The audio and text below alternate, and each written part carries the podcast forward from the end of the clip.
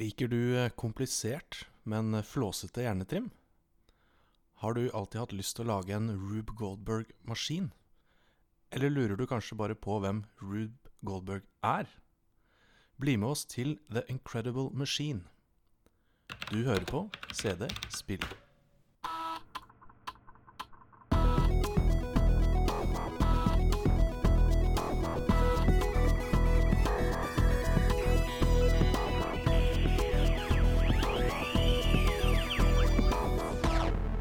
Velkommen til en episode 26 av CD Spill.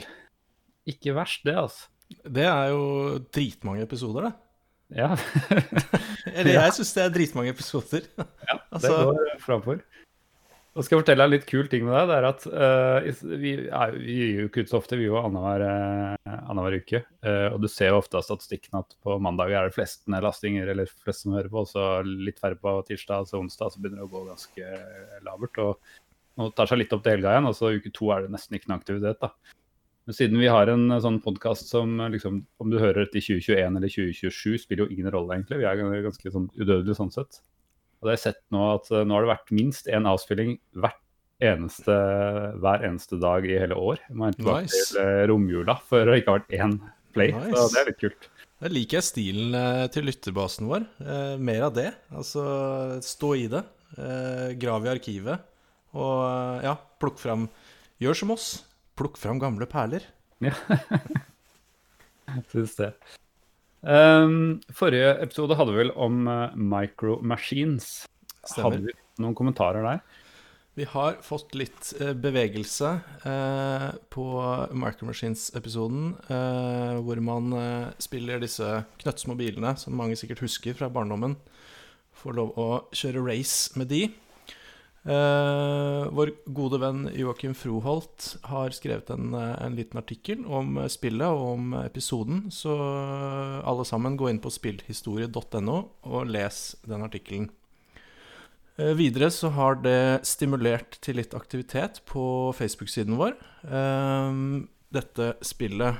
Jeg ser her at Kjell Terje Aasland skriver Kjempegøy spill når vi var små. Husket vi også spilte Skidmarks på Amiga. Eh, jeg vet ikke hva Skidmarks er, men dette er på en Amiga, så jeg tenker vi, vi gir Kjell liksom Vi lar han skli denne gangen. For resten av kommentaren er hyggelig. Ehm, men som han sier, Skidmarks på Amiga, noe i samme duren som Micro Machines. Eh, og her er det en uh, helt, uh, helt ny fyr som jeg aldri har hørt om før, som er inne og, og melder på Facebook. Torbjørn Prøys Skau. Ehm, han husker dette som et knallmoro spill som gjerne involverte å stappe fire ungdom rundt et tastatur. Ja, gode gamle Mm. Spille på samme tastaturtiden, ja. Ja. Eh, detaljer er litt vage for meg, men kjenner en god, varm, nostalgisk følelse når det nevnes. Eh, og det er vel uh, det vi også Men føler på. Men ingen henvisninger til Moonstone? Skal vi se, han er ikke helt ferdigskrevet her. For jeg regner, jeg regner nesten med det, men, men la oss sjekke. Han skriver videre Husker en gang meg og fire kamerater var i bursdag til ei venninne i gjengen og kjeda oss såpass at vi lata som om vi skulle hjem. Dette er relatable. Men dro i stedet til kjellerstua til en av oss for å spille Micro Machines resten av kvelden. Så eh, godt uh, et lite, altså Det er det vi driver med, er jo nostalgi og gode minner fra barndommen. Så Torbjørn, takk for en fin kommentar uh, hvor du faktisk også tar med litt nostalgi. Men jeg må trekke deg ett poeng, fordi det står ikke noe Moonstone i, i kommentaren. Uh, videre så har vi en kommentar fra Håkon Puntervold. Uh, her må dere inn, lyttere, og titte selv også, fordi han sier må også dele bilde av baksiden til dette på Nes, for han har spilt dette på Nes. Her står ting greit og forklart om spillet ikke skulle fungere. Og her står det Det står for det første at du ikke må Do not drop, do not get wet, and do not leave in direct sunlight. Så uten å se bildet, så kan man lure litt på hva han egentlig holder i hånda. Mm. Anyway, eh, der er det også en knapp på baksiden av kassetten. Eh, position A og position B. eh, hvor position B skal only use this position if the game does not work with position A. ok, så, helgardering, da. Ut Ja, ja, ja jeg, har, jeg har en uh, forespørsel til våre lyttere fordi uh, jeg er litt lat og ikke gidder å google det selv, og fordi det er mye morsommere hvis noen av lytterne har kjennskap til dette. Mm. Hva, er det noen som kan forklare meg rent teknisk hva er forskjellen på position A og position B bak på en, en Nintendo og en Nes-kassett? Ja, jeg skal si, innrømme, Til tross for at dette var en konsollkommentar, eh, kongekommentar. Ja, ja jeg, han sklir også uh, greit under der. Um, Han, uh, han uh, skriver jo videre eh, Han gleder seg til å høre på episoden. Hyggelig. Eh, jeg har bare spilt Nes-versjonen av det første. Ikke det beste bilspillet på konsollen, men langt ifra det dårligste. Eh, men det har nok gått langt flere timer til Micromachines versjon 3 på PC. Og Mm. karakteren man spilte mest med, var Spider og Drethrow. Eh, må heller ikke glemme den flotte dansen bilen din får når du slår ut motstanderen i multiplayer. Dekka Ja, vi Ja, vi, for vi toucha innom treeren. Ja, jeg nevnte det litt på, på slutten. Eh, ja, jeg husker jeg syntes det var gøy, men jeg har ikke liksom prøvd det på nytt. Så jeg kan ikke helt si om det, var, uh, om det har holdt seg. Men uh, ja, det hadde det gøy når, når det kom. Vi var så vidt innom på slutten. Så tusen takk for eh, gode kommentarer på Facebook eh, der. Og eh, som sagt, lyttere, gå inn, sjekk kommentarfeltet under episoden, og svar meg på hva er det som skjer med en Nes-kassett når du skifter fra posisjon A til posisjon B. Eh, Så det var eh, reaksjoner på Micro Machines-episoden. Jeg skal nevne at vi har også fått litt eh, bevegelse eh, on the internet på uh, Scum VM-episoden vår. Ja. Mm, Eh, det, var, det var- veldig taus. Jeg var så stolt av den. Det var nesten Ja. ingen som kommenterte noe sted. Men OK, da har det kommet noe. Det er bra. Eh, det var jo en eh, snever episode. Mm. Eh, ikke til forkleinelse for deg, Mr. Mammen. Jeg syns det var kult å dykke litt ned i hva skal jeg si, bak kulissene. Mm. Men det var jo litt snever. Men da syns jeg det var ekstra kult. Som du sier, det var litt stille en periode. Men hvis man tar en reise inn på spillhistorie.no, og i artikkelen til eh, Joakim Froholt om vår episode om Scum VM, så har vi nemlig to eh, som er minst like engasjert i Scum VM som deg, Mr. Mammen. Her har Terje Høybakk og Kim Roar Foldøy Hauge vært inne med noen ganske kunnskapsrike og omfattende kommentarer. Så jeg anbefaler folk å stikke inn og lese de. Eh, Mm. Få litt sånn innsikt og, og historikk og minner om Skum-VM-motoren. Ja, det begynner å bli to episoder siden, så vi får kanskje komme oss videre i dagens episode. Jeg tror vi har sett nok bak. Nå må vi begynne å se framover. Og det er litt morsomt, for jeg fikk, eh, fikk en melding her eh, for eh, litt for kort tid siden, eh, hvor en årvåken lytter, eh, jeg vil til og med kalle en fans, eh, sier Har dere planlagt noe spesielt for ettårsjubileet? Etter mine kalkuleringer så blir det neste episoden dere spiller inn. Eh, og det er jo veldig hyggelig at noen lurer på. Og ja, Alex Gisvold har vi fått med oss eh, nå, som sendte denne meldingen. Eh, for han hadde en utmerket godt forslag til hva vi kunne bruke ettårsjubileet til. Så vet ikke, er du med oss? eh, Skal vi ringe opp på Modem og se om vi får med oss eh, Alex? Jeg er med dere. Jeg, Velkommen, velkommen. Velkommen tilbake. Takk. Det er en glede å være tilbake. Det, er, eh, det var svært hyggelig sist. Jeg, jeg har kost meg med podkasten i ett år, og gratulerer med ettårsdagen. Tusen takk. Takk. Det har ikke fort gått hus forbi, men eh, det er godt at vi har noen årvåkne som eh, kan eh, korrigere oss og minne oss på slike viktige datoer. Ja, jeg fikk noen flashbacks til dårlige skiforhold, og husker at uh, det var dårlige skiforhold da jeg begynte å høre på podkasten. Så da slo jeg opp og sjekket. Ja, det, det var et år siden. Mm, Stemmer det. Ja, for du, du går eh, en del på ski, og du hører en del på vår podkast, tydeligvis, når du går på ski. Er det sånn å forstå? Ja, altså når du går på ski i Oslo, så er, ender du ofte opp med å gå de samme løypene. Og da må Mm. du variere med hva du hører på. Mm. Da, da har man god tid til å lytte ordentlig etter på hva, hva det er man lytter til. Og da, da ble det Ja, podkasten deres ble en favoritt i, i mars i fjor. Og da Kult. nå har dere blitt med meg eh, gjennom året. Kult. Det er helt konge. Eh, må jeg bare si fun facten at den første episoden ble faktisk spilt inn nesten et halvt år før vi, vi slapp den. Det er derfor vi kanskje er litt sånn i tvil om når eh, jubileet var. Jeg tror vi spilte i november eller noe sånt, og så ble det, ja, kom det masse livestuff i veien før vi fikk eh, spilt inn episode to og, og tre. Så da var vi smarte nok til å vente, holde igjen den første episoden, så ikke det ble et halvt års gap mellom. eh, Det var en liten, eh, en liten sabbatical der mellom ja. første og andre episode. Det Ja. stemmer. Men nå har vi kommet inn i flyten og klarer å levere eh, på rekke og rad, selv om det bare er annenhver uke. ok, men eh, Alex, hva tenkte du at vi skulle bruke ettårsjubileet vårt til?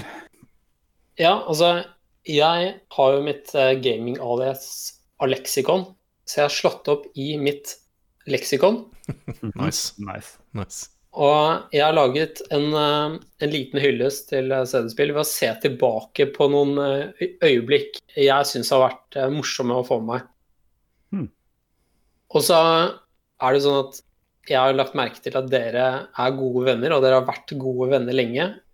Og derfor så kommer jeg her. Jeg skal lage litt, eh, lage litt konkurranse, prøve å lage litt eh, rivalisering i podkasten. Dette er, dette er jo er dårlig gjort, Alex. Du vet jeg runder jo ingenting. Dette her vet du veldig godt. Jeg føler the odds are stacked against you allerede. Altså Heldigvis så skal vi ikke spille en eh, kamp i Warcraft RTS. Altså, det, dette er kunnskapsbasert. Hvor eh, godt kjenner dere egentlig hverandre? Hører dere på hva den andre sier? Det er ja, fem spørsmål. Dere kan få fem disketter. Se Nice. se om, dette, om dette går. Skal vi, skal vi knekke i gang? La oss. gjøre det. Yes, da må vi selvfølgelig tilbake til den aller første episoden, og dette spørsmålet går til Erik André. Ok. eller Mr. Maven, da, selvfølgelig. Eh, I spillet One Must Fall 2097 så har Sigve et favorittangrep som han snakker varmt om. Hva er dette eller disse favorittangrepene? Det var noe sånn uh, round kick. Hva var det hva var det han kalte det? Det var noe, var noe spark, i hvert fall.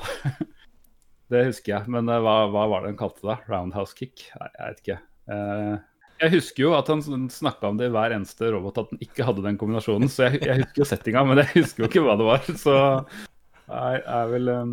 Ja, eh, nei, altså, for jeg Dette er jo litt eh, Jeg syns dette er litt koselig, fordi jeg ble minnet på dette av deg, Alex, da du besøkte oss forrige gang. Flying kick, roundhouse kick og low kick. Helt riktig. Og så bare gjør du det og gjør du det. Det er helt riktig. Så eh, du skal få en tredjedels diskett. Uh, Yes. nice. Det blir, du vet at det, diskettene kommer i forskjellige Hydens til å hva er det heter? Ja, ja, jeg vil ha en zip. Og- Kan jeg få zip-disk? Ja. Det er greit. En liten mini- minidisk. Haha. Ja. Dette er for ung til å forstå nå, da. Ja. Right. Over til Sigve. Ja. I spillet The Secret of Monkey Island skal man spørre en pirat, og da kan han snakke om en episode av CD-spill.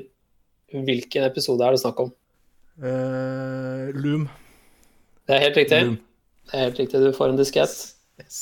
Et av Hva jeg kan forstå, så er det et av favorittspillene til Mr. Mammen. Stemmer. Du følger godt okay. med.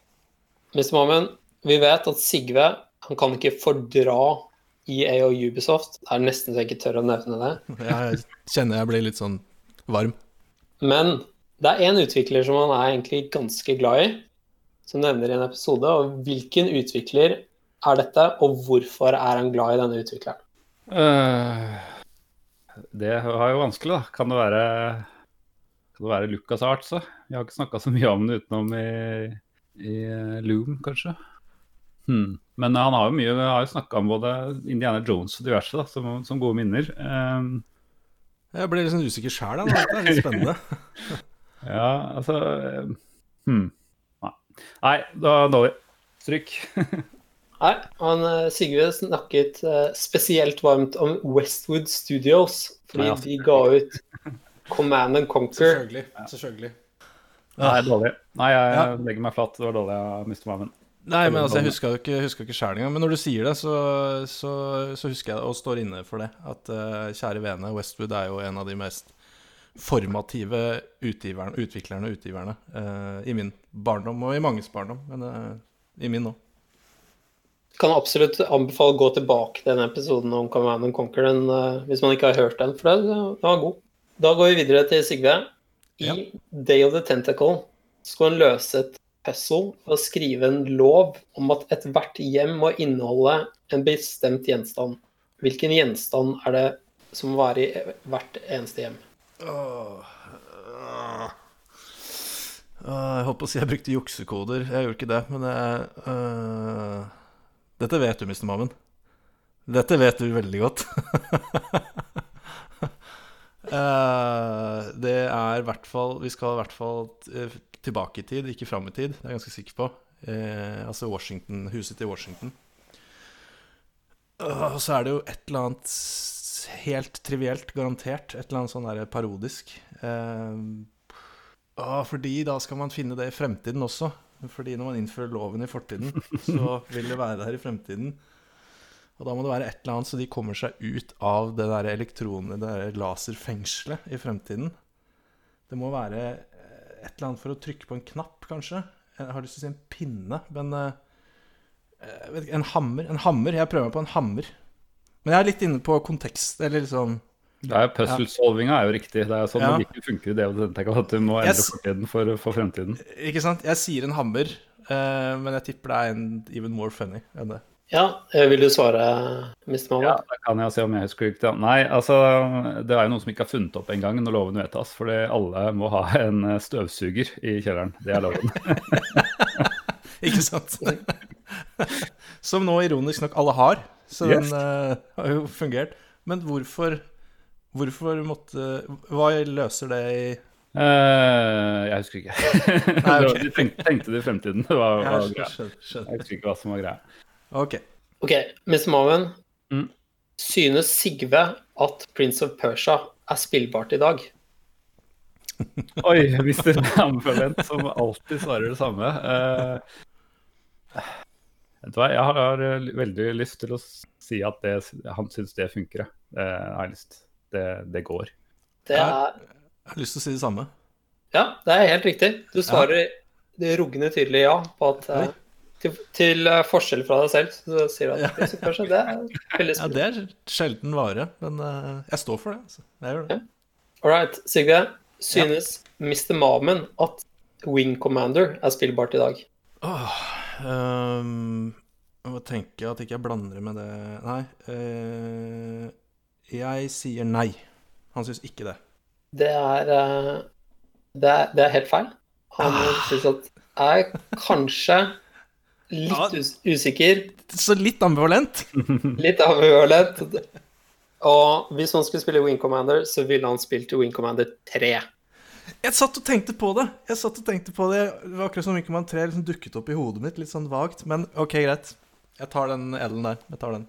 Nå har vi tatt eh, tre hver. Altså stillingen er Sigve har én diskett, og Mr. Moven, du har 1,33333 diskett. Oh, All right. Sigve, eh, dere ser jo ofte litt tilbake om hva som skjer, eh, har skjedd tilbake i tid. Så tilbake i 1991, kong Olavs prosesjon eh, gikk på TV, eh, og da, Mr. Mammen, skjedde det noe dramatisk i Sigrid sitt liv. Kan du huske hva som skjedde den kvelden?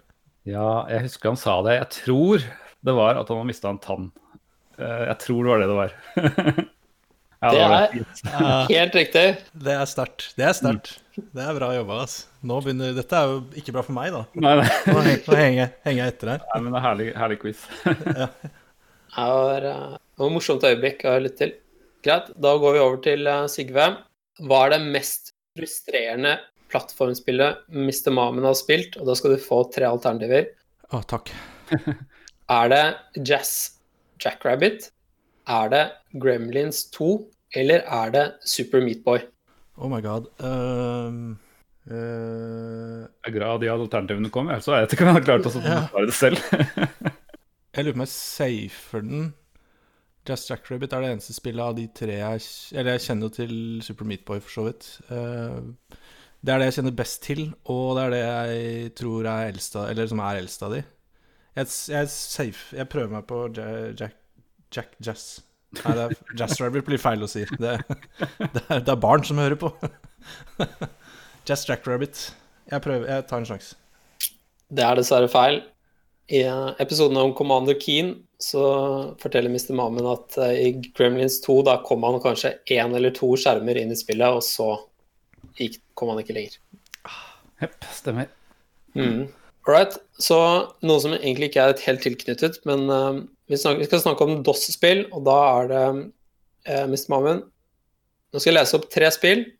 Hvilket av disse tre spillene kan du ikke spille på DOS? Ok. Hitchhiker's Guide to the Galaxy, Warcraft, Orcs and Humans eller Star Wars Rogue Squadron. Eh, nei, Hitchhiker's Guide to the Galaxy er jo sånn tekstbasert eventyrspill. Uh, så hvis det uh, Altså, det kan jo tenkes at det bare kom til noen sånne mainframe-greier, for det er veldig, veldig gammelt. Uh, men alternativ to hva var det. Warcraft. ja, Warcraft det kom definitivt til DOS, det er jeg liksom 100% sikker på. Og Rogue Squadron eh, ja, Jeg skal innrømme at jeg aldri spilte det. Jeg aner ikke så mye om det, så jeg velger å gå for, for det. Ja. Kan jeg, kan jeg stjele et poeng her? Eller er det mulig? Siden det var Jeg har avgitt svar, så du kan være svare spørsmålet, så kan jo Alex vurdere om eh, For mitt, mitt resonnement er Jeg visste ikke Jeg var ikke klar over at Hitchhikers eh, Guide to the Galaxy var et eh, tekstbasert spill, så du er jo åpenbart, som alltid, kan du mer, mer enn meg om ting. Mm. Eh, men jeg bare hørte når du sa Warcraft Var det Warcraft Orcs and Humans? Nei. Ja. Ja.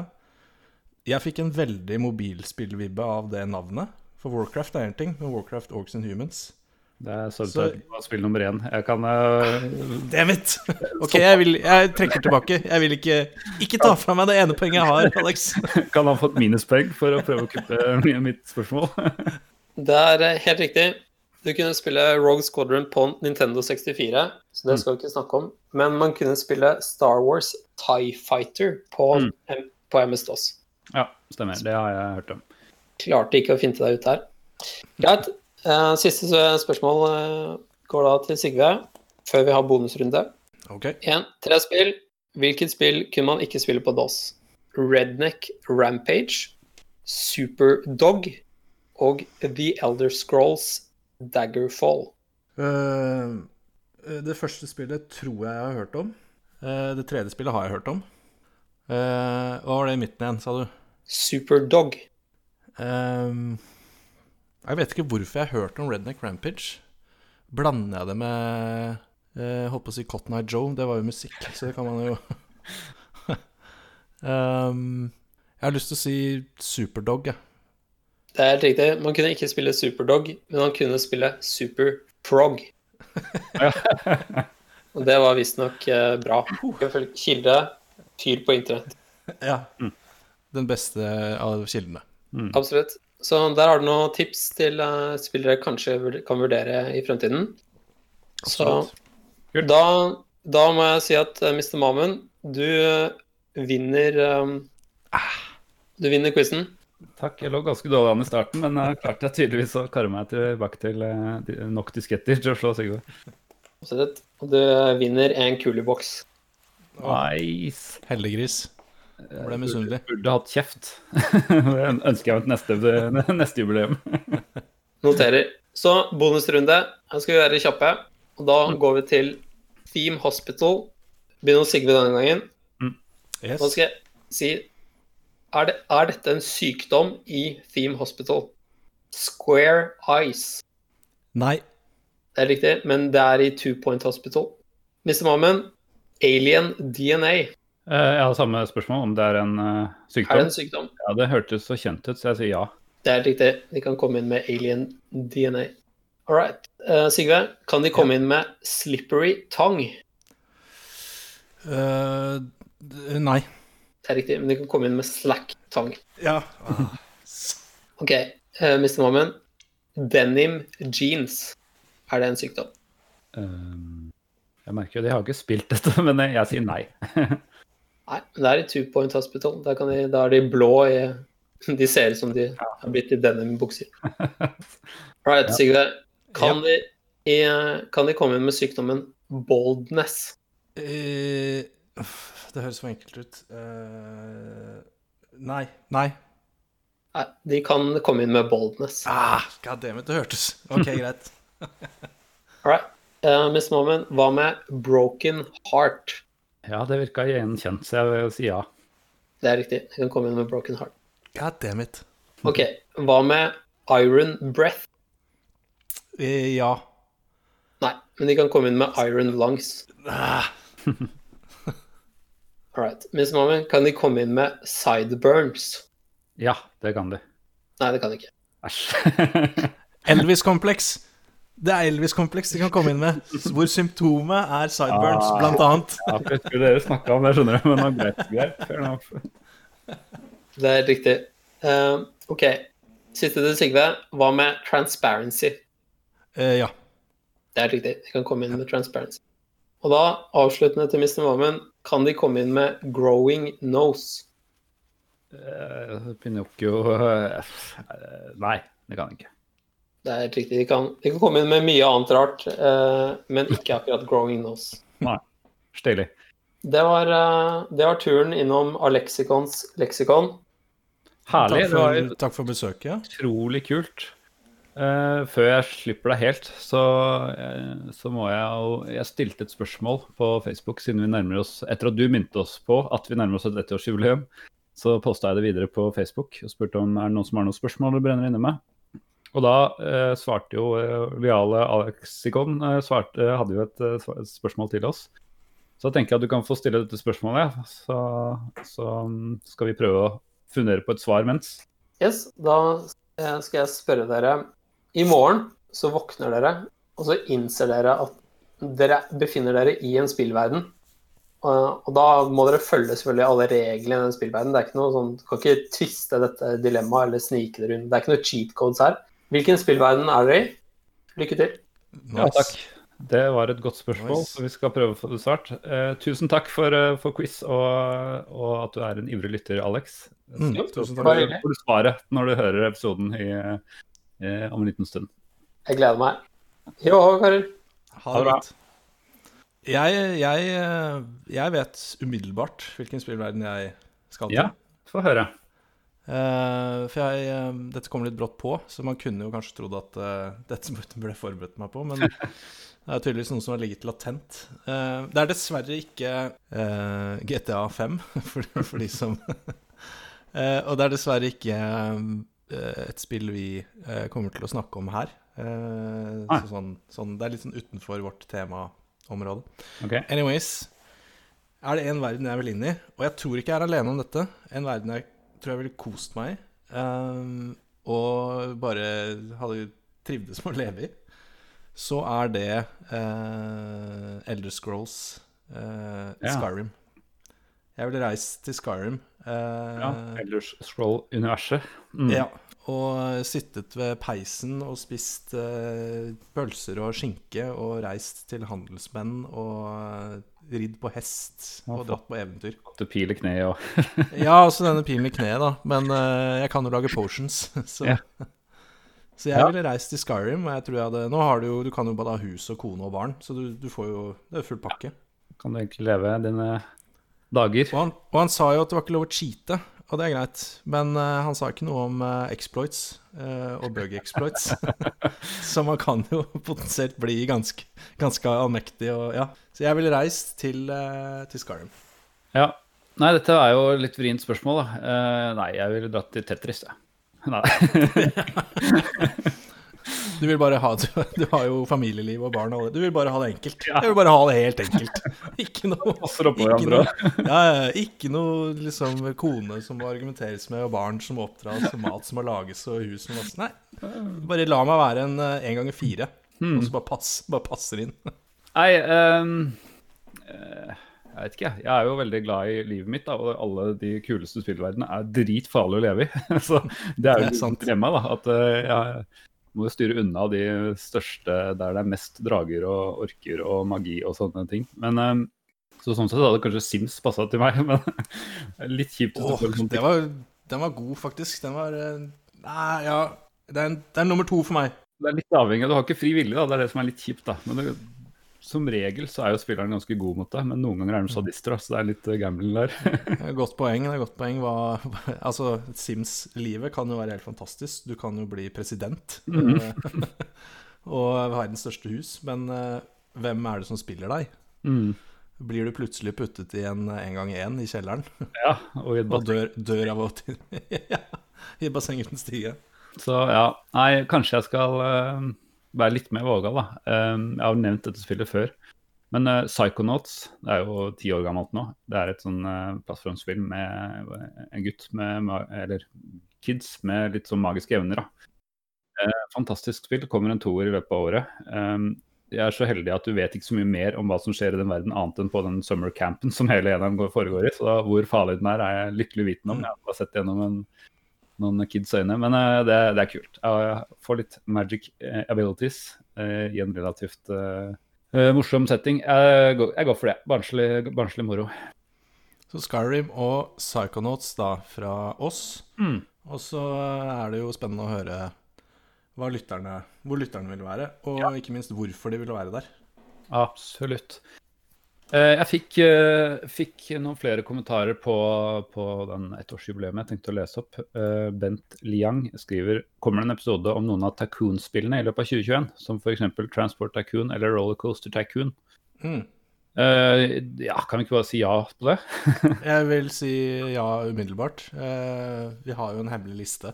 Mm. Uh, og uten å røpe noe fra den hemmelige lista, så vil jeg jo si at begge, begge står på den lista. Så Begge står på lista. Vi hadde sånn Transport Tycoon på, eh, på en eller annen tidspunkt på, og så ble det en sånn swap i siste liten, så den kommer nok tilbake. Mm. Jeg skal ikke love om det er før etter sommeren, og sånn, men jeg er ganske sikker på at vi får det til i 2021. Altså. Det, det gjør vi nok. For det vi ja, jeg I hvert fall Transport Tycoon Mm. kommer jeg til å ha lyst til å snakke om ganske raskt, egentlig. Så, så Bent, eh, svaret er ja på begge. Og ja, når vi får krangla oss ferdig, jeg og Mr. Mammen, så Mm. får vi se om det blir transport eller rollercoaster først. Vi har også en litt lengre kommentar av Kjetil uh, Hartvigsen. Hei, jeg vil egentlig bare ha mer av den fantastiske podkasten deres. Uh, ja, men det får du herved. mm. Det var hyggelig. Uh, dersom dere kunne laget en episode med noen av spillene jeg skriver om under, så hadde det vært kjempefint. Eh, jeg startet spillkarrieren med en Amiga 500. Det er mange av våre lyttere som har, har det, Mm. åpenbart, så vi appellerer til, eh, til dem også. Eh, og har mange gode spillminner derifra. Kan trekke fram Canfodder og Desert Strike som spesielt minneverdig. Ja, Canfodder har jeg spilt en passe mengda. Desert Strike husker jeg ikke i farta. Sannsynligvis har jeg ikke spilt i det hele tatt. Eh, Nei, jeg tenker Cannon Fodder uh, kommer jeg på nå, når han nevner det. Det må gå rett inn i lista. Mm. Eh, Desert Strike. Eh, han skriver 'desert' som i dessert. Eh, Ja. og så vet jeg ikke om det er en typo, eller om det er et funny Ja, sånn eh, Men eh, jeg skal i hvert fall gjøre litt research på, på dessert eh, strike. Mm. Det Ja, det virka litt kjent, så det er mulig at jeg kjenner til hvis jeg hadde, hvis jeg hadde forberedt meg bitte litt mer. Beklager det, Kjetil. Vi har et stort program i dag, så jeg får researche før vi eventuelt lager en episode om det. Videre skriver han vi kjøpte en 486 på midten av 90-tallet. Ja, det har vi vel hatt eh, begge vi også. Det er helt riktig. Husker at vi så vidt hadde Windows 3.11 før vi fikk Windows 95. Å ja, jeg er bare unggutt, dette her. Det er så morsomt, den der, alle Det er ingen som sier at de hadde Windows 3.1 eller 3.10 eller 3.0. Eh, Det er alltid 3.11 folk hadde. Altså, For jeg hadde nemlig 3.1. ja da. Jeg hadde, og jeg hadde bare DOS også, ikke noe Windows. Ja. Så så kul er jeg. Eh, Min far dro ut og kjøpte tre helt tilfeldige spill en dag etter jobb. Det var koselig. Eh, Han kom hjem med et eh, komplisert krigsspillsimulator som ble fort glemt, og to perler. Eh, Det blodige Rise Over the Triad. Ja, Yes. Nice. Da hadde vi jo Ketil Espenes som hjalp oss med ganske morsom innsikt. Stemmer. Eh, og en shoot 'em up kalt Nova Storm. Sistnevnte er fremdeles verdt å sjekke ut. Ok, Nova Storm har jeg ikke hørt om, men veldig kult at det er verdt å sjekke ut. Så det gjør det jo at jeg kanskje blir nødt, blir pent nødt til å gjøre det. Uh, shoot 'em ups kan jo faktisk være ganske gøy hvis du, eh, hvis du trenger noe å gjøre, så jeg er opp, opp for det. Mm. Senere ble det mye RTS-er. Kane lives in death. Nei, nei, nei. GDA all the way. Kane lives GDI. Eh, mye SimCity 2000 også. Nice. Mm. Uh, og et ufortjent glemt turn-based strategispill som het uh, Deadlock. Eh, men også mye Space Sim. Dere har allerede laget en episode om Wing Commander. Jeg spilte tre og fire mye. Mest tid gikk det på til et spill som jeg ikke har slått seg like godt teknisk, men skjermen er behold, i behold. skal det. Privateer 2. Et fantastisk univers. Rar og kul historie med flere kjente skuespillere. Når jeg mange år senere prøvde Elite Dangerous, fristet det heller å fyre opp gode gamle Privateer 2 igjen. Hmm. Ja, det kan jeg faktisk skjønne. Det har vært mange gullkorn av noen spill, men i senere år har det begynt å falle litt av.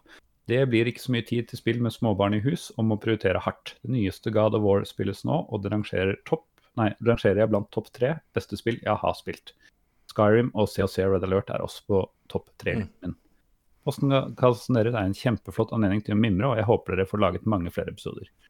Nice. Eh, veldig hyggelig kommentar. Og ja, jeg kjenner jo litt igjen at eh, det er en grunn til at vi ikke har en eh, podkast om moderne spill. Det er ikke fordi jeg ikke spiller i det hele tatt, men ikke, jeg tror ikke jeg har nok innhold til å kunne snakke nytt. Og det er så mange andre som gjør en bedre jobb og er mer up to date enn oss. Så da tenker jeg at vi spesialiserer oss på gode gamle dager. Og det er Mm. hyggelig for de som mimrer med oss der. Jeg skal spandere en, en øl in the tavern på Kjetil Hartvigsen i Skyrim. For det er jo tydeligvis der vi kommer til å møtes. Ok, nå har vi holdt på i veldig lenge og fortsatt ikke kommet til uh, dagens spill, men det får vi begynne med nå. Uh, det er altså The Incredible Machine fra 1993. Uh, utviklet Nei, ut, eh, jo, utviklet av Dynamics, utgitt av Sierra. Sierra Entertainment var jo en eh, De utga jo masse spill. De var jo store innen eventyrspillsjangeren spesielt, er det de kanskje kjennes for. Men de var jo, det er så morsomt å tenke på, det var jo de som ga ut Half-Life, som er utvikla av Volv. Og Volv er jo blitt gigantiske nå, men det var, de trengte hjelp av Sierra for å, for å få spillet sitt. Så Nei, det er litt for å tenke på hvordan eh, verden er snudd litt på hodet siden den, Mm. den gang. Ja, du hører ikke så mye om Sierra nå lenger. Altså, Nei, de, er, eh, de er jo der. Men uh, jeg hører mer om Valve, i hvert fall. Og, Ja, eller er. Steam, da, som uh, de skjønte jo Ja. Vi må slutte å lage spillene. Vi må bare lage plattformen mm. for alle spillene. har jo etter hvert blitt uh, noe alle bruker. Og selv om konkurrenten prøver så godt de kan med å gi bort gratisspill, så sliter de med å ta igjen uh, Volvo der. Altså, hos Steam. Ja. Men eh, vi skal ikke snakke om Steam, vi skal snakke om uh, The Incredible Machine, forkorta TIM. Som er et, uh, ja, er et fysikkbasert puzzle game. Uh, du skal lage contraptions. Du skal lage Rube Goldberg-maskin, eller ja. Og for de som ikke vet hva det er, så har de helt sikkert sett en eller annen video på nett av noen dominobrikker som faller over ende og velter til en tennisball som ruller og tar noen bøker over ende og klasker et eller annet sammen. Og en eller annen kjempeavansert måte på å gjøre noe veldig, veldig enkelt som å skru på en lysbryter eller, eh, eller tilsvarende. Eh, Det er jo eh, Ja, Back to the Future husker jeg at det var en, eh, en sånn kjøkk skru på ja, lage, lage noen frokostting. Og Bolton Gromit har en god del sånne De har, de har mange sånne vek vekkemaskiner, blant annet. Så det er jo ja, type få kassett, det. Det kan være ganske festlig å se på. Eh, Jeg aner ikke hvem liksom, Rube Goldberg eh, var, annet enn at han tydeligvis ga opphav til dette fantastiske eh, konseptet. Så han lagde det kanskje den første, da. Ja, jeg måtte gjøre litt research på det her, fordi Rube Goldberg er jo et begrep som jeg har liksom visst om, og som jeg tror folk kanskje kjenner til. Og søker du på Rube Goldberg på YouTube, så får du opp masse av disse maskinene. Eh, Rube Goldberg han var en uh, tegneserietegner uh, fra USA som i 1928 i hvert fall ifølge Wiki, så var det da han Dette ble et begrep, det ble coina som et begrep fordi hans kunstneriske uttrykk var å tegne altså Rube Goldberg-maskiner. Altså overdrevent kompliserte og morsomme maskiner som løste et utrolig liksom trivielt enkelt oppdrag. Eh, hvor eh, f.eks. på, på Wiki-siden så, så er det en tegning av Rube Goldberg hvor det sitter en kar eh, og spiser suppe ved et bord. Hvor det da er knyttet en hyssing til suppeskjeen. Som da går fra skjeen til en ny skje som vipper en kjeks opp til en fugl som slipper noe ned i en bøtte, som tenner en rakett som sky... Og, og i andre enden da, av denne Rube Goldberg-maskinen så er det da en serviett som viftes frem og tilbake foran munnen til denne som spiser suppe. Ja. Her har du liksom et godt eksempel på uh, ja, at uh, et utrolig komplisert og unødvendig maskin. Men det er jo ikke destinasjonen som er målet, det er reisen. Mm. Så det er jo konseptet her. Og så, så skal jeg nevne i min research eh, at eh, for det, hvis det er folk som eh, er litt, litt eh, interessert og er litt mer history-nerd enn meg, så er det også en eh, William Heath Robinson, som var en engelsk tegneserieskaper, Aha. som eh, gjorde basically akkurat det samme, eh, men han gjorde det ti, ish, ti år Eller i hvert fall coina, da. Begrepet ble coina ti år tidligere enn Rube Goldberg. Sånn at hvis du snakker med amerikanere, så må du kalle det en Rube Goldberg-maskin. Men hvis du snakker med briter, så må du kalle det en Heath Robinson contraption. Akkurat. Eh, som da ble et begrep eh, ja, rundt eh, 1912 i, i Storbritannia. Som er basically akkurat det samme. En vifte som blåser på en fallskjerm som henger fast i en, som drar en, og så Ja, Det er i gang. Tesla Edison-rivalisering. sånn, eh, ikke sant? Før social media og før alle visste alt om alle hele tiden, så skjedde det ting parallelt eh, Hmm. på forskjellige kanter av verden. Så når du skal være han eh, eller hun eh, ufine og ekle på en fest, så kan du følge opp din kjennskap til Rude Goldberg med at du også vet hvem William Heath Robinson er. Ja. Nei, det var stilig. Nei, det var nytt. Men så, ok, så Rube Goldberg har altså lagd, eh, lagd dette. Var det, så, var det morsomt å se på, det originale contraption med serviett og sånn? Eller var det mer eh, Ja, altså det er jo, det er jo Jeg skjønner jo at det, at det traff, for det er jo er en tegneserieskaper. Så det er jo mors, det er mors, det er ikke en eh, Det er ikke en teknisk tegning. Nei, nei. Eh, Det er en eh, Han ser jo funny ut, han eh, kameraten som sitter og spiser suppe. Det er veldig sånn Jeg får nesten litt sånn Litt sånn Carl Barks, Donald Duck-vibber. At bare uavhengig av maskinen, så ser fyren litt komisk ut. Ja. Så, så Nei, så det er Det er en komikk over det hele. Mm. Både i, hva skal jeg si tegnestilen, men også da åpenbart i konstruksjonen av denne altså helt meningsløse maskinen. Men Ja. det blir en humor i det, da. Eh, som passer jo veldig godt f.eks. til Wallace and Gromit. Jeg skjønner Mm. at de Men nå kaller vel ikke de eh, Wallace and Gromit kaller det vel ikke Rube Goldberg, de kaller det vel strengt tatt en, eh, en, Heath, en Heath Robinson contraption, vil jeg tro. Tipper de hva kaller det en Wallace contraption. Eventuelt. eventuelt. Ja. Ja. Eh, Jeg kom på, sånn apropos det er ikke helt det samme, men eh, har du sett eh, eller Kjenner du til svenske eh, bandet Vintergatan, som har en eh, musikkvideo som heter Marble Machine? Det tror jeg ikke. Nei, ok. De har bygd en Marble er jo sånn klinkekuler. De har bygd et instrument som de liksom veldig sånn fysisk sveiver rundt på, på og lager musikk med masse sånn derre Ja, den treffer der og der og der og veldig Ah. se, se den musikkvideoen. Det er en fryd å se på. Helt fantastisk at du klarer å lage en, liksom, en maskin som lager sangen for deg. Og Nei, det er, det er helt konge, den eh, musikkvideoen. Og de, eh, de har brukt lang tid på det. Og det sies vel at de holder på å lage en enda større og bedre i, i fremtiden, som, som kanskje kommer også. Så mm, ja, det er kanskje ikke en sånn contraption, men det er i hvert fall veldig imponerende håndverk da, på, på, på, å lage en låt via, via pinkekuler, rett og slett. Så Rube Goldberg er eh, også nå da eh, blitt en musikksjanger. Ja, det kan man si. Det kan man si.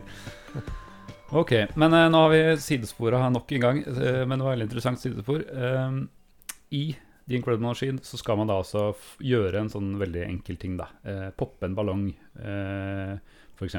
Eller få en eh, basketball inn i, på et spesielt område, osv. osv.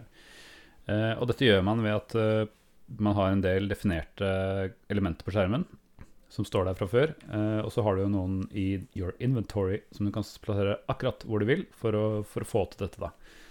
Eh, og det kan være, mm, ja, kan være å skru på lysbryter f.eks., få en vifte til å gå rundt, sprekke en ballong osv. osv.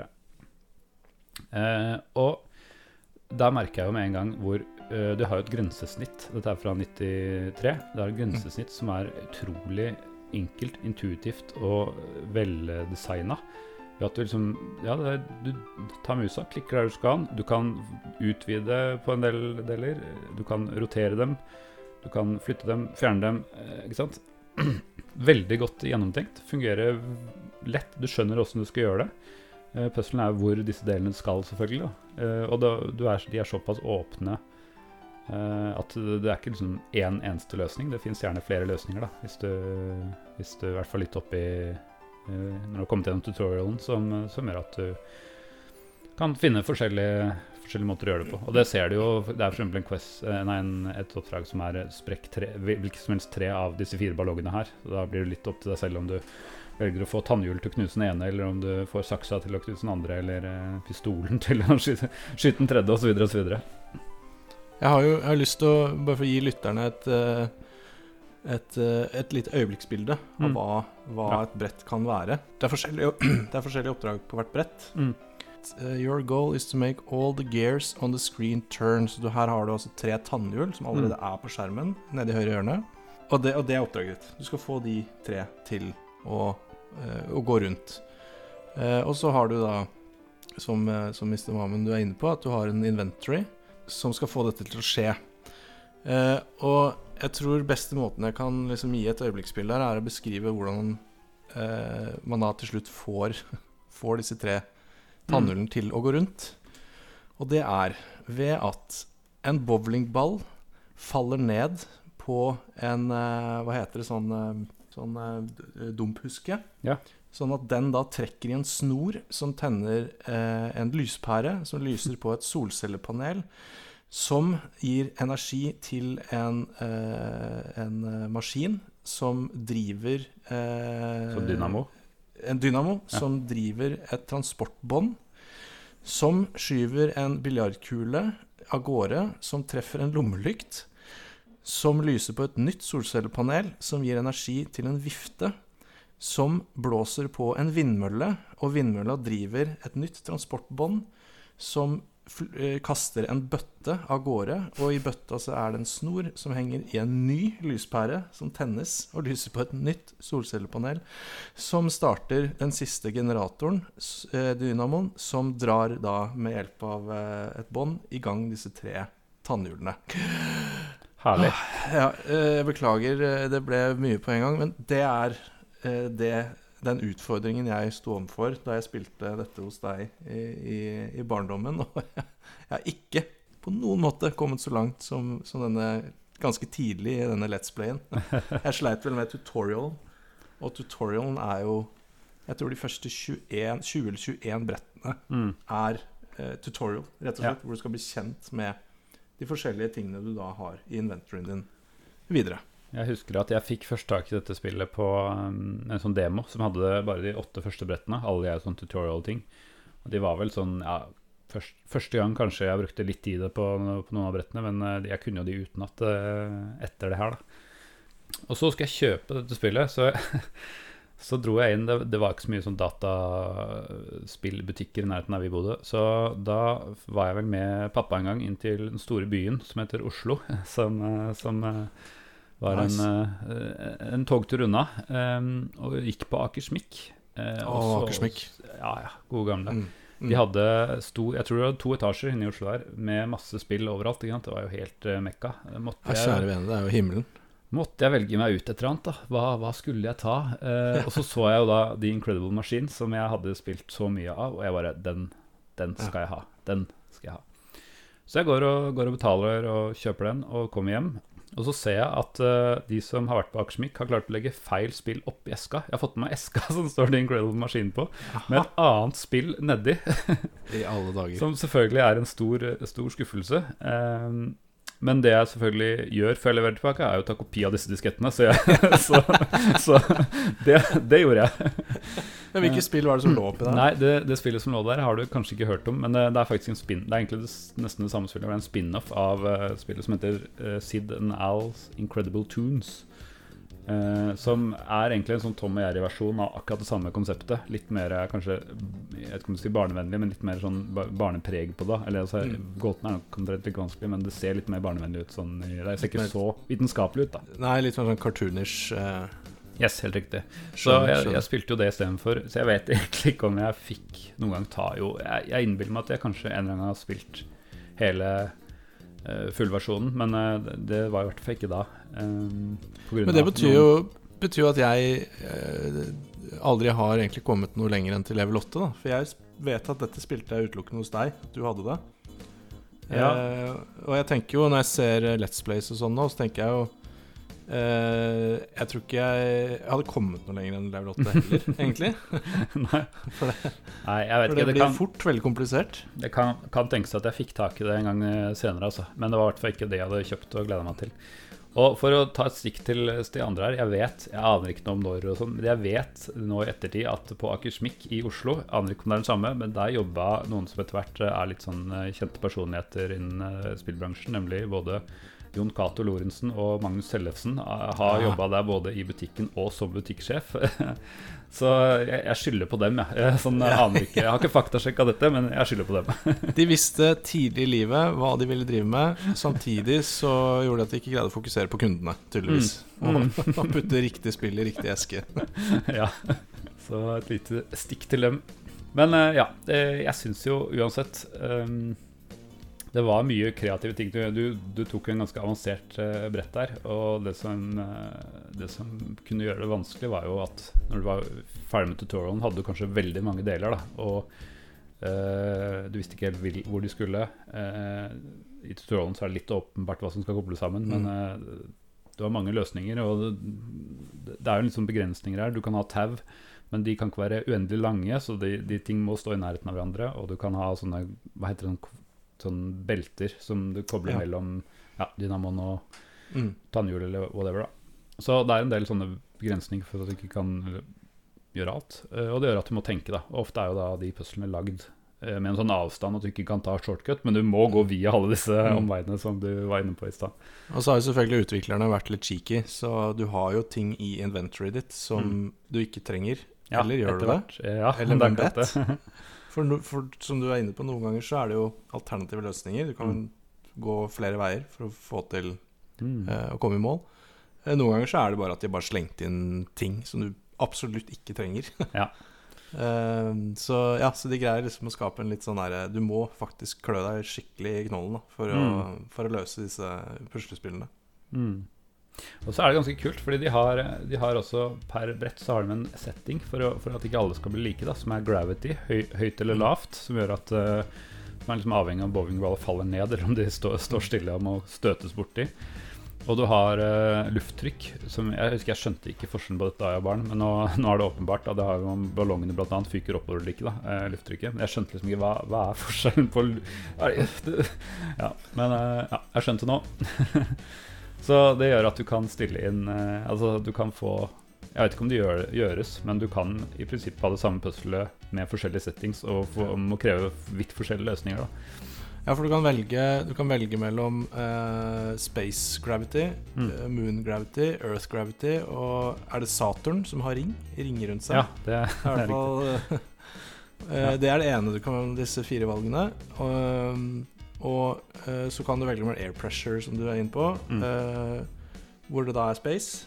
Og så er det vanlig her på jorden. Og så er det en bølge som jeg tolker som dypt, dypt, dypt nede på Mm. bunnen av sjøen. da Så du har jo allerede et komplekst puslespill med helt sånn konkrete fysiske kall det lover, da som du må Mm. forholde deg til. Og så kan du liksom eh, virkelig rote det til da med disse forskjellige tyngdekraftene og disse forskjellige lufttrykksmodellene Mm. for å gjøre det enda mer spicy. Ja. Nei, så Det er åpenbart at de har lagd eh, de fysiske tingene først, og så har, eh, har de funnet på disse gåtene etter hvert. Men det er en veldig kul approach. Fysikkbasert puzzlespill er jo egentlig Jeg tenkte at det er, det er ikke så mange av de, men det er jo egentlig veldig mye i dag som er Altså Ta Angry Birds, da, som, eh, Mm. som, var en, som alle kjenner til, selv om det begynner å bli noen år siden, det òg. Mm. Uh, det er jo et fysikkbasert puzzle game. Uh, Mm. Litt mer actionbasert, kanskje. Uh, det kom et par andre hva var det, Cut the Rope og Det var veldig mye, veldig mye av de her som kom når mobilspill begynte å ta av. Før det ble sånne der cash grabs og dritt sånn her, som jeg snakka om før, som er i dag. Eh, så det er jo en sjanger Jeg vet ikke om de har eh, Jeg vet ikke om de har funnet på sjangeren, men de har nå i hvert fall eh, De har i hvert fall lagt grunnlaget for noe som, eh, som mange andre fortsatt driver med. da Ja, for det, det var en tanke som slo meg eh, da jeg gjorde litt research og liksom ble minnet på spillet igjen nå. Det var jo at dette Altså, alle, du og alle våre lyttere vet jo hva jeg syns om mobilspill. Mm -hmm. jeg, samler, jeg holder det like høyt som eh, Electronic Arts, f.eks. jeg er like glad i det som Ja. Nei da, det fins mange gode mobilspill, men som du var inne på, det har blitt eh, en greie der med cash grabs og drittemøkk. og møkk. Poenget er at eh, det bare slo meg at uh, dette er jo jeg håper å si, Dette er jo et bra mobilspill laget i 1993. Dette Mm. er jo, ville jo vært uh, Og det finnes sikkert uh, varianter av dette på mobil den dag i dag. Veldig sånn klassisk bru bruker, håper å si brukervennlig for en mobilplattform. At du sitter og trekker inn ting og, og prøver om ballen detter i kurven, eller om den ikke detter i Mm. Så, så det er jo egentlig et mobilspill eh, fra 1993, det her. ja. ja, absolutt. Jeg liker eh, eh, Hvis du skal spille ting på mobilen, så er det greit at det ikke er så mye som skjer på en gang. At du har liksom ro og mak. Da, og det er definitivt et, eh, hva skal vi si, et senspill. Absolutt.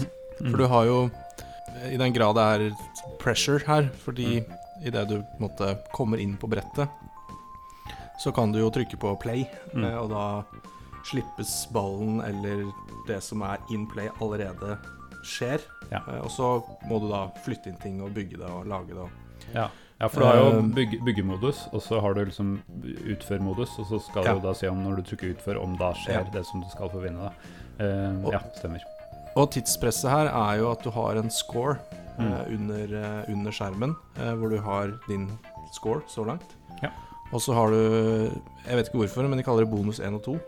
Mm. Som basically er eh, to eh, hjul, sånne, sånne eh, Jeg håper å si klok klokke... Digitale klokkehjul fra, fra 70-tallet som, som dreier. Ja.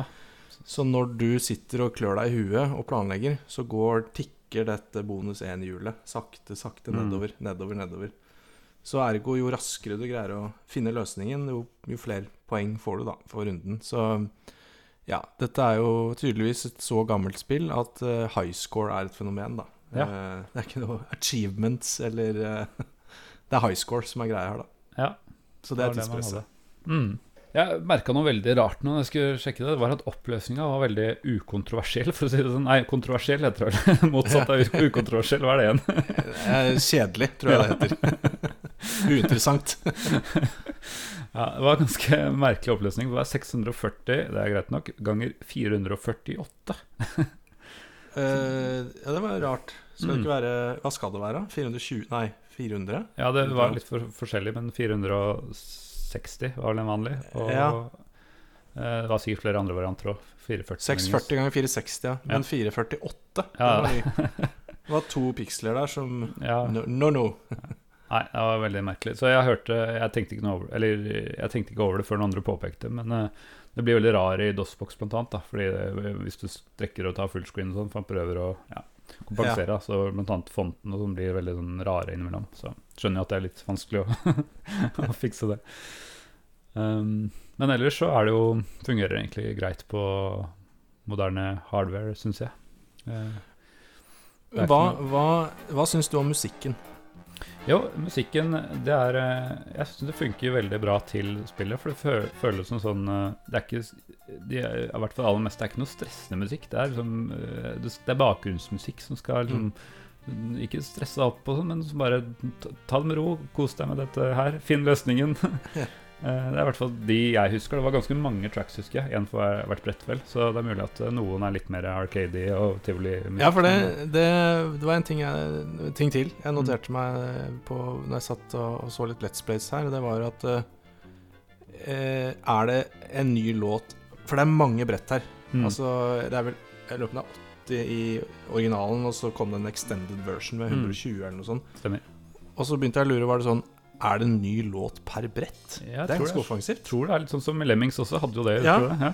Det er ganske imponerende. Mm. Um, og så eh, er mitt neste spørsmål er jo Hørte vi på Altså da vi spilte hos deg, Mm. uh, var det PC-speaker, eller var det Soundblaster? Oi, det er et godt spørsmål. Jeg vet at jeg hadde den originale Altså jeg hadde ikke den extended version som Mm. fikk litt sånn CD-musikk og sånn, så vi hadde i hvert fall midi. Men eh, jeg er ganske sikker på at jeg originalt spilte det på 286-en min før jeg fikk meg noen sånne Ja. eh, lydkort. Men eh, det kan jo vært at jeg plukka det opp igjen når jeg fikk Jeg pleide ofte å plukke opp gamle spill når jeg fikk meg lydkort for Ja. å høre, høre hvordan det egentlig skulle være. Ja, for jeg, jeg eh, syns Jeg vet ikke um, Jeg syns nok musikken eh, jeg, jeg lauderer de for at de har vært kreative og lagd nesten en låt per brett. Mm. Samtidig så var det ingen av de låtene som liksom catch, catcha så veldig. Eh, så det ble nesten litt sånn enerverende etter Mm. Og så var Let's Play Neso var jo åpenbart noe Soundblaster eller lignende. Ja. tenker jeg Men klart vi hadde jo en helt annen terskel for Vi hørte Ja. på mye rart på PC-speaker på den tiden. Kanskje med unntak av den der main menu-musikken, Synes jeg var litt, eh, var litt sånn, den var litt minneverdig. Men ellers er jeg enig. Det var veldig Men jeg tror, jeg tror det var konseptet. At de skulle ikke stresse deg, de skulle bare være Mm. i bakgrunnen og spille Mm. Så skulle du Det var i hvert fall sånn jeg Det var sånn jeg Mm. det passa til den der scene-mode eh, som jeg syns spillet er litt. Nei, for det, det um, jeg, jeg er enig prinsipielt med deg der. Jeg, jeg, eller jeg støtter premisset ditt. Um, men uh, hallo, som du sa, vi har jo hatt Lemmings. Mm. hvor de lagde rå musikk, liksom. Til. Men de gjorde kanskje De var smarte, fordi de stjal jo bare, i Ja. anførselstegn, klassisk musikk. Så de Ja. tok jo bare musikk som var dritbra allerede. Mens her har de kanskje bare lagd musikken selv. Og, da, og i hvert fall når du da skal lage musikk til hvert eneste brett, kanskje 40-50 låter, så, så kan jo det smøre den kreative juicen litt, eh, litt eh, Ja, tynt kan at du blir litt lei, rett og slett. Oh no, nok, nok et brett. Jeg må lage en ny låt på min eh, 386 med noe sånn eh, midi Ja, det spørs det. Ehm, jeg merka meg forresten at eh, dette konseptet her er mye, mye eldre. Det ble allerede i 1984 så kom des ble designdokumentene for det som skulle bli det her utvikla av da Dynamics. Eh, og da hadde de en avtale med Electronic Arts. Det var jo mens Electronic Arts var uh, spisende, så det var Ja. fryktelig små faktisk i 1984. Eh, men så Jeg, jeg leste ikke, gikk ikke helt inn i materien hvorfor de nedprioriterte det. Men de hadde jo da et eh, konsept som ikke hadde noen konkurrenter, og var veldig sånn eh, Jeg tror det ble sammenligna med en sånn Ja, du har noe sånn pinball maker-spill. Det er liksom den eneste konkurrenten vi har. Eh, eh, og så ja, ble det utsatt, putta i en skuff, eh, helt fram til 1992, som det ble påbegynt igjen. Brukte én person, tror jeg, brukte ni måneder. Kevin Ryan het han programmereren. På her står det ifølge Wikipedia 36 000 eh, dollars budsjett. Så ja, det var ikke god Det var ikke mye penger, det.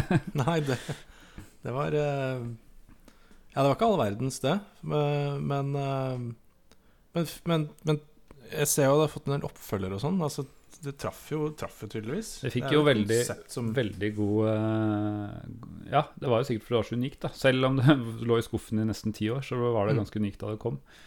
Og du så jo det at uh, allerede uh, samme år så lagde de denne, som du nevnte, The Even More Incredible Machine, som er en liksom extended versjon av det samme, da. Eh, det er samme levelene med nye deler og nye brett. Dobbelt så mange brett, cirka. Eh, og så kom The Incredible Machine 2, som eh, fikk et litt sånn nytt uh, brukergrensnitt. Uh, men Og litt mer ja, Kanskje ikke så Altså litt mer sånn polert uh, deler og utseende, look. Eh, og så kom The Incredible Machine 3, som jeg tror bare virker som bare er en Windows-port av Incredible Machine 2. Så det er litt frekt å selge inn så, som en treer. Uh, og så kom jo disse spin-offene som jeg nevnte, Sid Al Incredible Tunes, som også fikk en oppfølger. Og så har det kommet litt uh, ja, sånn diverse etter, etter det, i ånden til det. Det var jo det var jo en stund andre prøvde å lage lignende spill, men jeg har ikke fått noe inntrykk av at noe av de har gjort det veldig stort. Jeg husker jeg så noen reklame for noe som var noe om det het Cogs eller Gears eller noe sånt, da, som var litt sånn for å få tannhjulene til å, til å gå rundt, som virka litt de samme greiene, men det virka også mye enklere og mye kjedeligere, så jeg fikk aldri testa det ut. Så ja.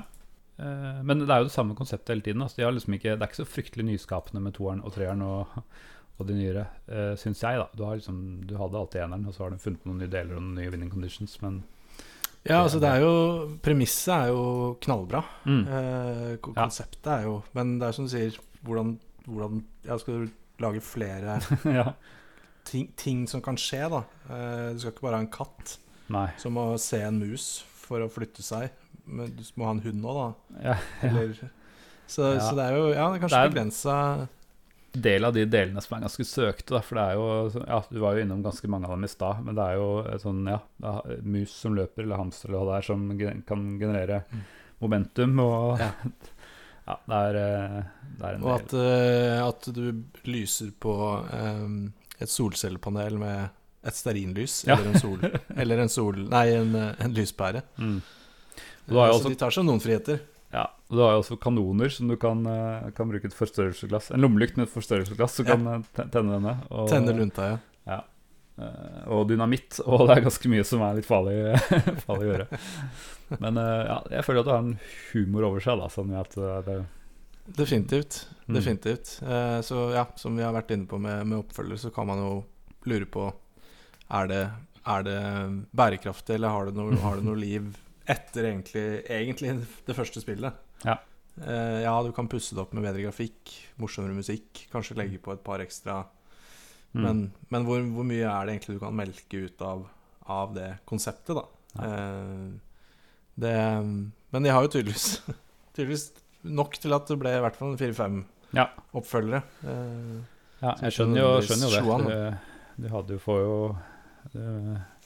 det, er jo ikke de samme nødvendigvis som spilte det i 93, som uh, kjøpte det igjen på slutten av 90-tallet med Windows-maskiner. Da har det jo kommet en del nye, nye spillere, eller spillmaskiner og nye fans. Så fair enough.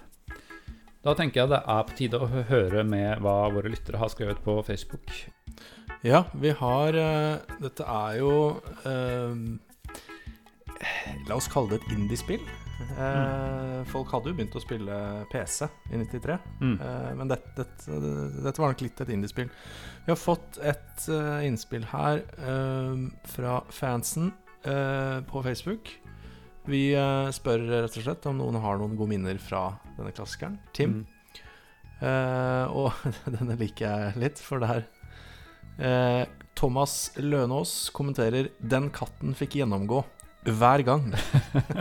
det, det, vi nevnte jo at det er jo en av eh, hva skal jeg si eh, tingene du kan ja. plassere ut. det er jo en winning condition noen ganger. Få katten til å bevege seg eller mjaue eller hva den gjør når du, når får en bowlingball i huet. Ikke sant.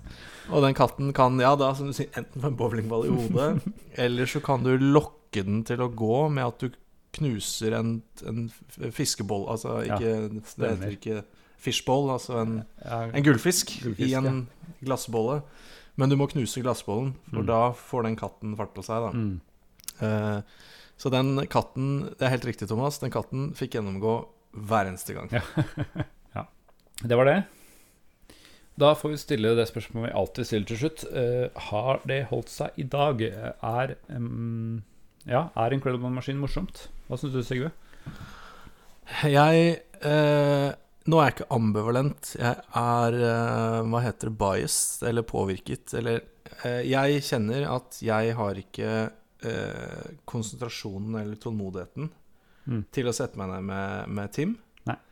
når det er sagt, det er et super liksom, enkelt og funny konsept. Mm. som du var inne på tidligere i episoden, gameplayet er liksom intuitivt og enkelt. Uh, allerede da, i 1993. Uh, det var, forut for sin tid. Mm. Så hvis du liker puzzle games, så vil jeg si ja, det er absolutt uh, Det har absolutt holdt seg. Det er ja. Bare skru, ned, skru av musikken, så, kan du, så, kan du, spille det i dag. Ja. Ja, jeg må jo si meg litt enig med deg. At uh, det, er, det, er, veldig avhengig av hvor, uh, hvor, hvordan du liker uh, den sjangeren. Ved at du det er, noe, det er, lite action, du må tenke, bruke de små grå.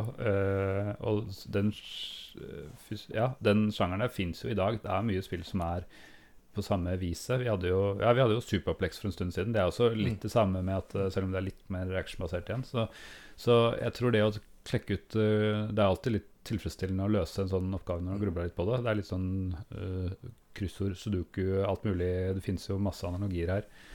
Uh, så hvis du liker sånn type tenkespill, så syns jeg det har holdt seg. Og det, er så, det, det grensesnittet framstår så utrolig moderne, så jeg syns det er veldig, veldig, veldig imponerende, egentlig. Um, jeg begynte å spille syntes det var ganske gøy. Også, jeg har ikke fått forberedt meg sånn ekstremt mye, så det har vært litt vinterferie og sånn, men uh, så merka jeg at Det var en del sånne brett som bare var sånn Det var bare så mye pirk. Det var sånn der, Du skulle eksempel ha et brett hvor du skulle uh, få tre baller på én side, men ingen av de andre. Uh, og da måtte du bruke pistoler til å treffe de, og da var det liksom bare sånn justere opp og ned bitte litt piksler og piksler for å treffe akkurat de du skulle. Og det var sånn Ja, det var ikke liksom små og grå tenke en god løsning, Mm. det var bare pirkeoppgaver. Og det er noen sånne puzzles innimellom som jeg syns det, 93 var det kanskje gøy, for da, da varte det litt lenger. Og, da, ja, og, og det er kanskje lett å skjønne da, for en unge som, som ikke klarer de veldig intrikate puslespillene. Så sånn sett er det litt pedagogisk. Men jeg syns en del av de puslene ikke er like gode, og så syns jeg de andre er litt gode. Men um, du må ha tålmodigheten til det. Så ja, det var jeg er akkurat som blitt som deg. Ja. Veldig langt svar på Ja, ikke må svare noe som må, helst. ikke, må, ikke, må ikke la deg påvirke. Nå må du være deg selv og være eh, tydelig og klar. Ja. Men eh, nei, jeg ender på ja, det har holdt seg. Det, det har det. Eh, Med de få begrensningene som jeg har nevnt, så, Mm. så har det holdt seg. Altså. Det, det funker. Da har vi holdt på veldig lenge. Det var jo helt konge at eh, Alex Gisvold stakk innom Ja. og ga oss en quiz som var ganske var vanskelig god- og underholdende. For Ja, oss i hvert fall. Selv om jeg tapte den, så tror jeg, i hvert fall, så satte jeg pris på Nei, det var veldig, veldig gøy med en jubileumsquiz med en uh, god, god venn av podkasten. Det Mm. satte jeg pris på. Helt enig. Da kan vi bare avsløre neste spill allerede, og det har vært uh, ligget litt i lufta en stund allerede. Uh, vi har jo vært gjennom Dune 2 og Command Conquer. Eh, hva er det neste i den franchisen? Det blir jo den the greatest of them all, Red Alert.